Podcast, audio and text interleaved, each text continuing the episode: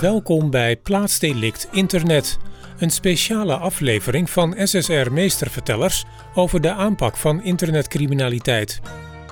Als officier van justitie doet Jacqueline Bonnes grote onderzoeken op het gebied van cybercrime. In deze aflevering kijkt ze met cyberexpert Chris van het Hof terug op de zaak van de Rotterdamse webcam-hacker. Ze legt uit waarom deze zaak bepalend is geweest voor de manier waarop we in Nederland computercriminaliteit benaderen. We zitten hier bij het Openbaar Ministerie in Rotterdam met Jacqueline Bonnes. Uh, ze werkt hier al 16 jaar als officier van justitie, uh, waarvan de laatste 10 jaar in cybercrime en vooral de grote zaken. Uh, nou, Jacqueline, met, met zo'n schat aan ervaring, eh, als je dan terugkijkt naar die 10 jaar, welke zaak is jou het, het meeste bijgebleven?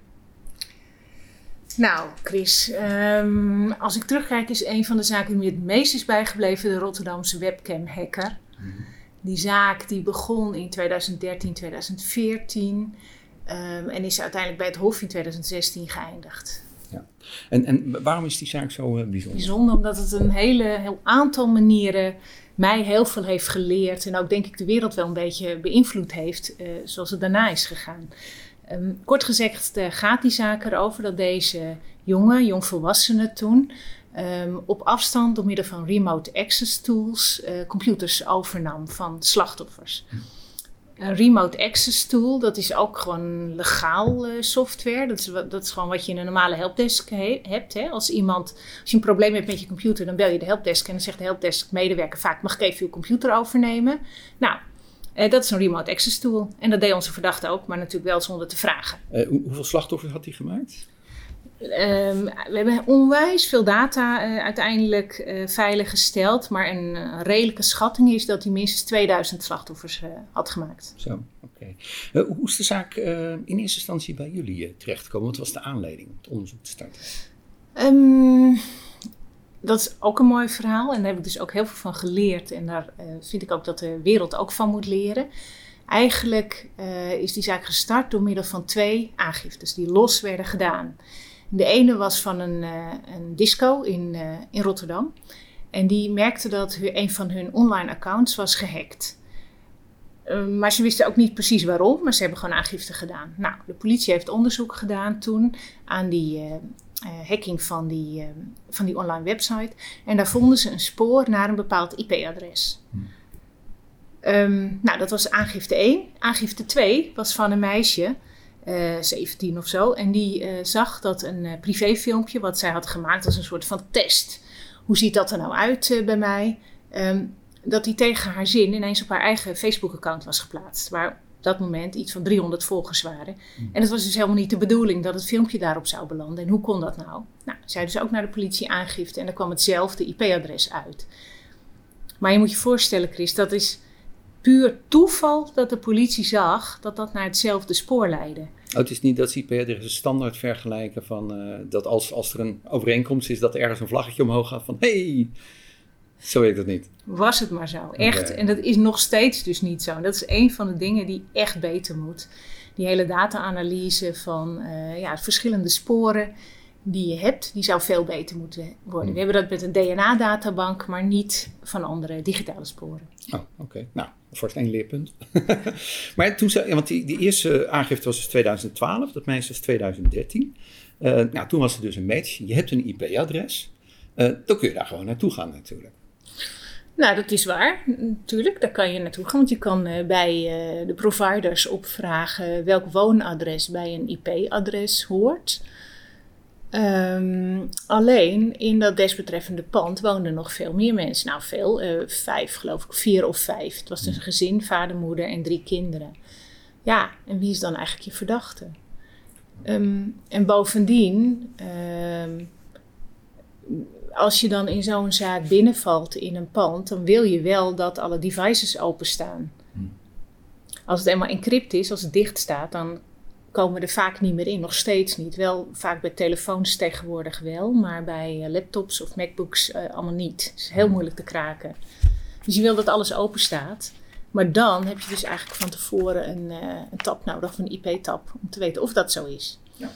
Aan een IP-tab zie je of iemand zit te internetten. Mm -hmm. Dus dan weet je of iemand online is. En dat is dan het moment om binnen te vallen. Maar jullie gaan ook het dataverkeer analyseren. Natuurlijk. Ja. En Wat, wat zagen jullie aan het dataverkeer? Nou, dat is inderdaad eh, ook een eh, goede vraag. Want wat wij zagen is zo ontzettend veel dataverkeer, inkomend eh, met name.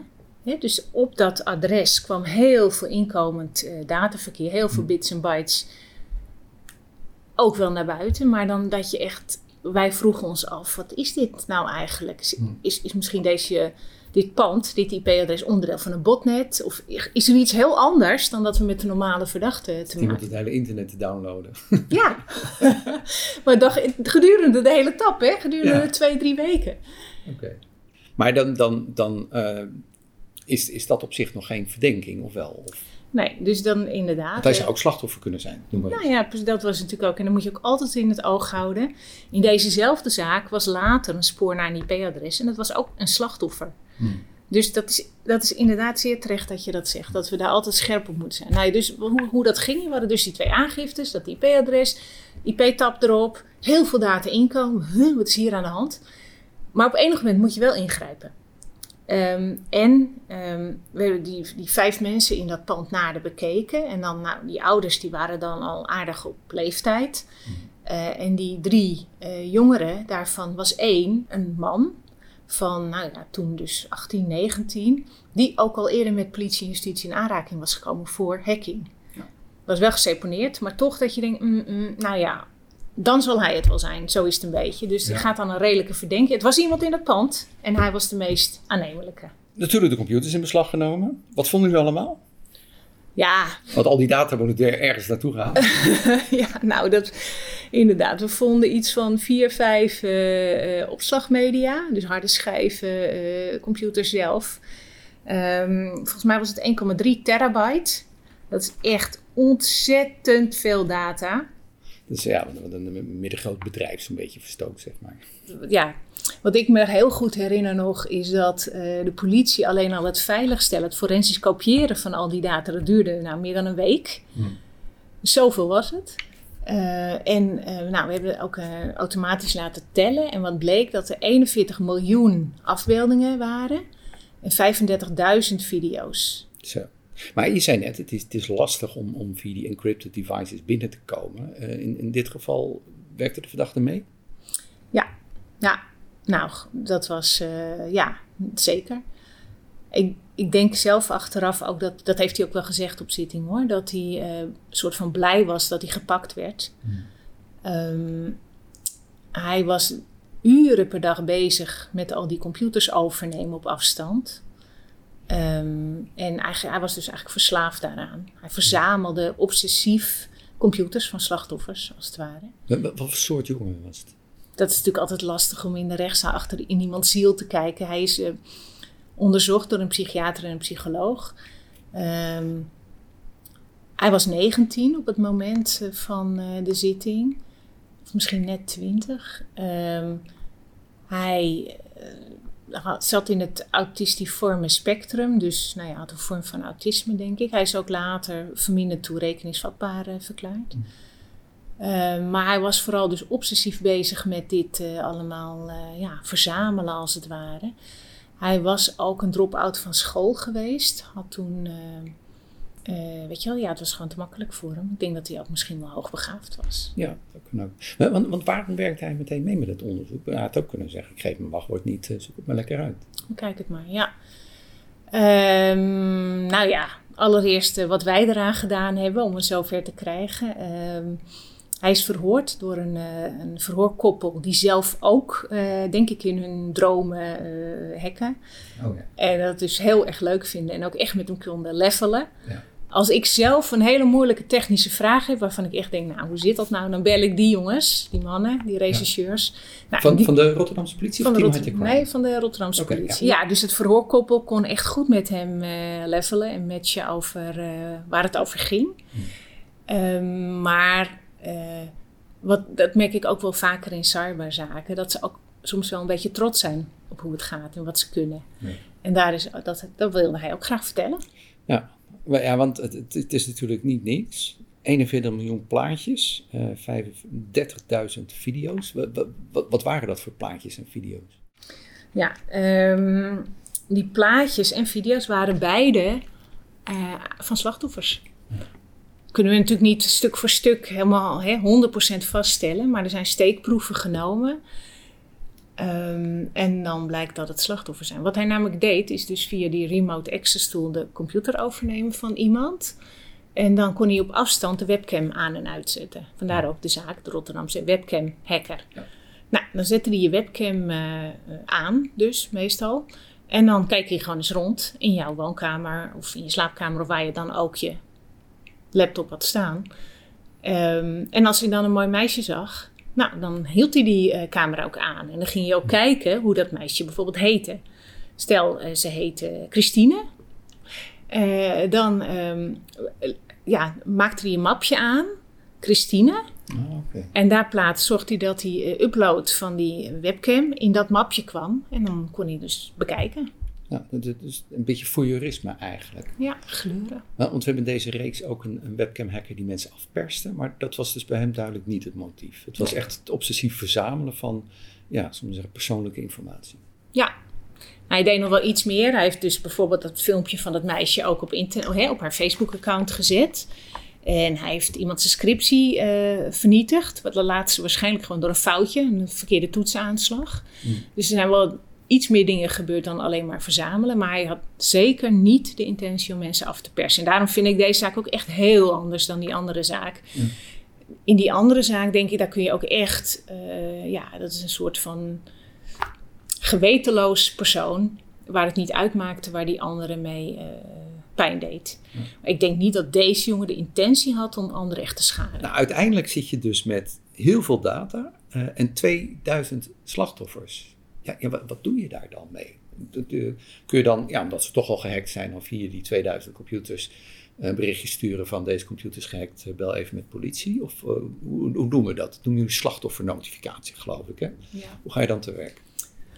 Nou, dat was dus ook een van de redenen dat ik deze zaak wilde bespreken. Dat was in ieder geval mijn eerste ervaring van zulke massale hoeveelheden slachtoffers. Nu zien we dat wel vaker, maar ja, en het, eigenlijk kan het, uh, het wetboek van strafvordering, kan daar, is dat heel lastig, kan er lastig mee omgaan.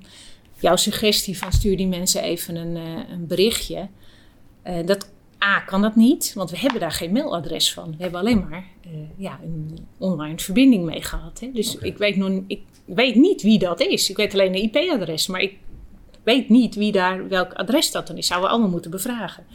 Dat, ja, dat is ontzettend veel werk voor de politie. Ehm, maar tegelijk zagen we ook wel dat er een aantal van die 2000 echt uh, nou ja, minderjarige meisjes, met name ook wel jongens hoor, minderjarigen waren. Um, en als je die dan uh, ja, langdurig filmt, dan zit daar zeker seks tussen. Hmm. En dat bewaarde hij ook allemaal. Uh, dus wij vonden dat wij die kinderen echt in persoon moesten waarschuwen. En onze verdachte zei wel: Ik heb het niet verder verspreid, die beelden. Maar dat kan je nooit zeker weten. Het, het, hij had het wel kunnen doen. Dus wij vonden dat wij, om die, ja, die kinderen te beschermen, in ieder te weten wat er rondzwerft op het internet, of in ieder geval onze verdachte dan beschikbaar was, dat zij dat moesten weten. Dus dat hebben ze goed mogelijk uh, geïdentificeerd, wie er echt minderjarig waren. En dan uh, ja, daar bijvoorbeeld een Facebook bij gezocht. Weet je geprobeerd een identificatie te doen wie dat dan was. en daar is, als het ging om Nederlandse verdachten, is de Nederlandse politie langs gegaan. Um, bleek dat er ook een aantal meisjes en jongens in België waren. Hm. Zij hebben toen rechtshulp naar België gestuurd en de Belgische politie gevraagd aan de deur te gaan bij die mensen en het gewoon rustig uit te leggen. Wat is er gebeurd? Uh, wat kun je er tegen doen? Wat is je positie in het Nederlandse strafproces? Schadevergoeding, nou, dat soort dingen allemaal. Nee, probeer we niet bij voor te stellen. Maar dan heb je dus een België, daar woont dus een meisje. En dan wordt er aangebeld door de Belgische politie. En zeggen we horen van de Nederlandse politie dat er allemaal filmpjes en foto's van jou gestolen zijn. Hoe, hoe, reageren die mensen dan? probeer ik iets bij voor te stellen. Ja, nou ja. Ja, kijk, ik, ik, ik, ga ervan uit dat, dat ze tevoren wel even belden hè, om een afspraak te maken. En van er is iets vervelends gebeurd, maar uh, uw kind is wel veilig en gezond. Um, dat hebben ze in elk geval in Nederland wel gedaan. Dat zal ongetwijfeld in België ook. Maar ja, je zag wel grote, vind ik zelf wel opvallende verschillen tussen Nederlandse en Belgische reacties. Um, over het algemeen waren de Nederlandse reacties wel heel nuchter. De meeste jongeren die hadden hun moeder of vader dan erbij bij dat gesprek. En dan zei de politie, ja, ja, er zijn beelden van jou terwijl je seks hebt met je vriendje eh, op die computer eh, van, het, eh, van de verdachte. En dan zei die moeder, ja, nou ja, god, ze hebben al een jaar verkering, dus ja, het zal wel. Die beelden moeten weg. Maar Ja. verder was daar niet zoveel gedoe over. Over die relatie. Terwijl eh, we wel hoorden dat het in België soms wel lastiger lag. Dat sommige ouders helemaal niet wisten dat hun kind eh, überhaupt een vriendje had. En dan is ook natuurlijk wel de vraag moet je dan, hoe je dat als politie moet. hè? je wil niemand verder slachtoffer maken. Nee. Want hoe ging hij te werk? Hoe hackte hij deze mensen? Ja, via verschillende manieren. Ehm, nou, bijvoorbeeld die disco in Rotterdam. Eh, die had dus op zijn online website, eh, kon je bijvoorbeeld eh, een foto klikken of zo, of een van de bestandje. Ja. En, en dan werd die remote access tool geïnstalleerd. Precies, dus op die manier werkte dat dan. Maar wat hij ook wel deed, is, dat is wa- wat we tegenwoordig een beetje bij het vriend in noodfraude zien, of WhatsApp-overnames, is dat stel, hij had jou te pakken, Chris, jouw computer. Dan gingen jouw contacten, en zeker als daar leuke mooie profielfoto's van leuke mooie vrouwen bij waren, dan Die ging- heb ik wel. ging hij eh, doen alsof hij jou was en zeggen: Hey eh, Priscilla, eh, dit is een, eh, een mooie foto, check even. En dan eh, zei Priscilla misschien wel tegen Chris, maar dat was dan eigenlijk ons verdachte: Ja. Klopt dat allemaal wel? En dan eh, zei jij: Nee, joh, dat klopt wel, dat is een hartstikke mooie foto, doe het nou even. Nou, en dan plop. En dan, Dus met die foto kwam de malware mee. ja, Op die manier. Ehm, ja, en, en hij maakte er ook nog wat variaties in en zo. Hè? Dat, eh, zodat hij niet moeilijk terug eh, te vinden was. Hoe, hoe, werkte dat? Ja, nou, dat was ook. We hebben een aantal. Kijk, in het begin, als je aan zo'n zaak begint, denk je, nou, het is één virus, hè? Laten we zeggen, à la het coronavirus. Dus we maken daar één ding tegen en dan is het probleem uit de wereld. Eén vaccin. En... Maar nee, zo werkte dat dus niet. Hij eh, engineerde de virussen een beetje, spatie hier, spatie daar, lettertje, waardoor ze net niet weer herkend werden door de volgende. Dus hij is door de virusscanner. Ja. Goed, de veroordeling. Dat was, als ik het goed heb, uiteindelijk 2016? Ja, door het Hof, hè? Ja, Oké, ja, hoe, hoe, hoe, hoe ging, eh, hoe ging dat in zijn werk? Of, of la- laten we gewoon maar meteen eh, vragen. eh, hoeveel straf heeft hij gekregen en op basis van welk artikel? Dat Ja. willen we weten natuurlijk. Oké, nou uiteindelijk heeft hij eh, een jaar en vier maanden gevangenisstraf ongeveer gekregen, waarvan een jaar voorwaardelijk. Oké, dus hij heeft uiteindelijk vier maanden moeten zitten. Ja, en dat heeft hij in voorlopige hechtenis uitgezeten, dus in het begin van het onderzoek. Eh, en daarnaast de maximale werkstraf van 240 uur. Oké. Hij heeft nog geschild in de veroordeling dat hij heeft meegewerkt. Ja, Ja. ja, En, en zijn daderprofiel, zoals daar net over hadden, heeft dat ook meegewogen. ja, absoluut. Nou ja, dus die verminderde toerekeningsvatbaarheid speelt ook sowieso mee. Eh, maar ook dat, eh, ja, dat hij eigenlijk wel gewoon verantwoordelijkheid nam voor zijn daden en ook zelf met dingen is gekomen. Ehm, ja.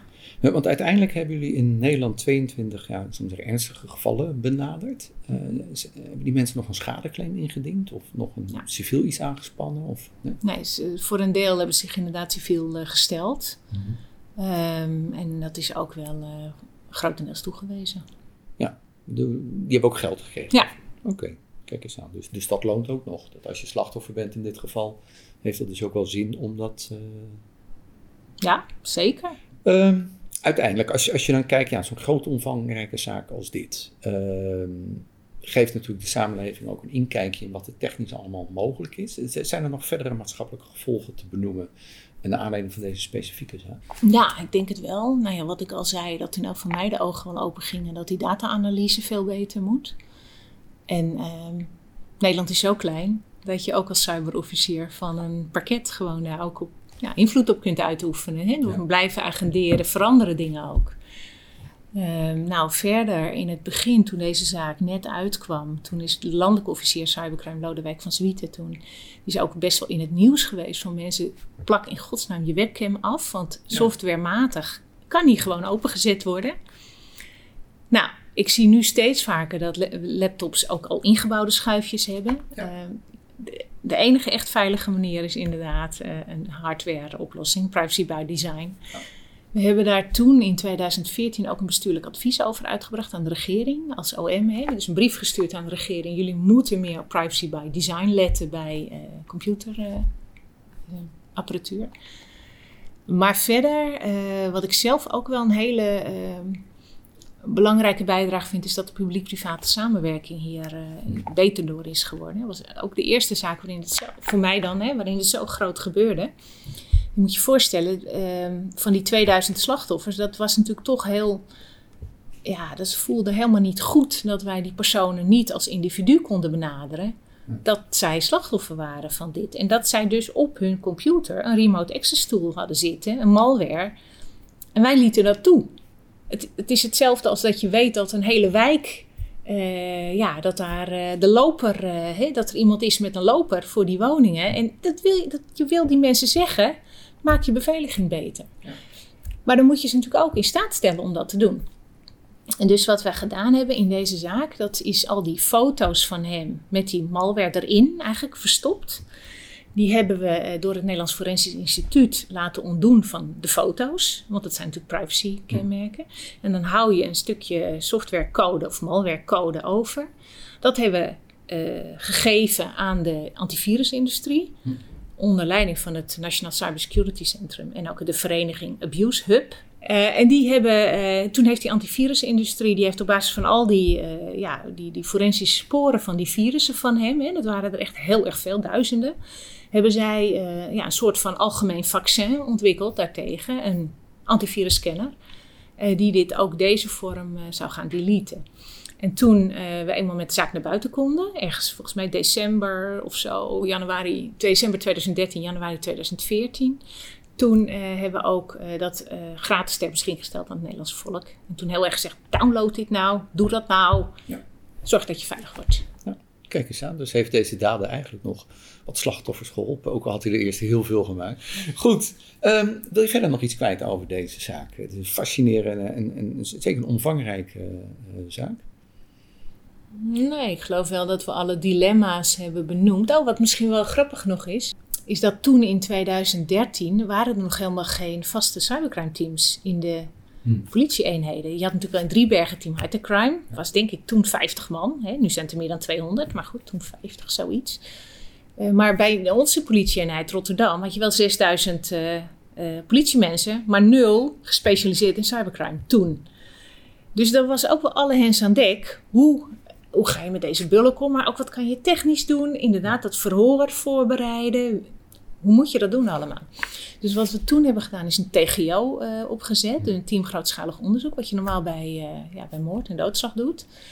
Um, en um, wel als werkwijze was dat toch was wel goed. Want je, je zit in heel veel, heel veel capaciteit, heel veel kracht erop in het begin van zo'n uh, onderzoek. Uh, we hebben geleerd hebben wel, is dat dat snel over moest naar vaste teams. Want elke, iedereen verliest natuurlijk zijn kennis weer gelijk.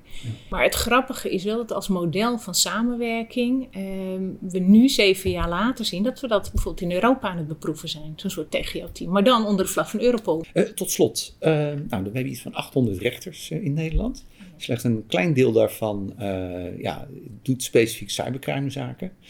Uh, een heel groot deel krijgt steeds ook meer met digitaal sporenonderzoek of toch met cybercrime eh, te maken. Nou, ik merk aan jou dat je echt enthousiasme hebt in je werk. Wat, wat zou je advies zijn aan hun?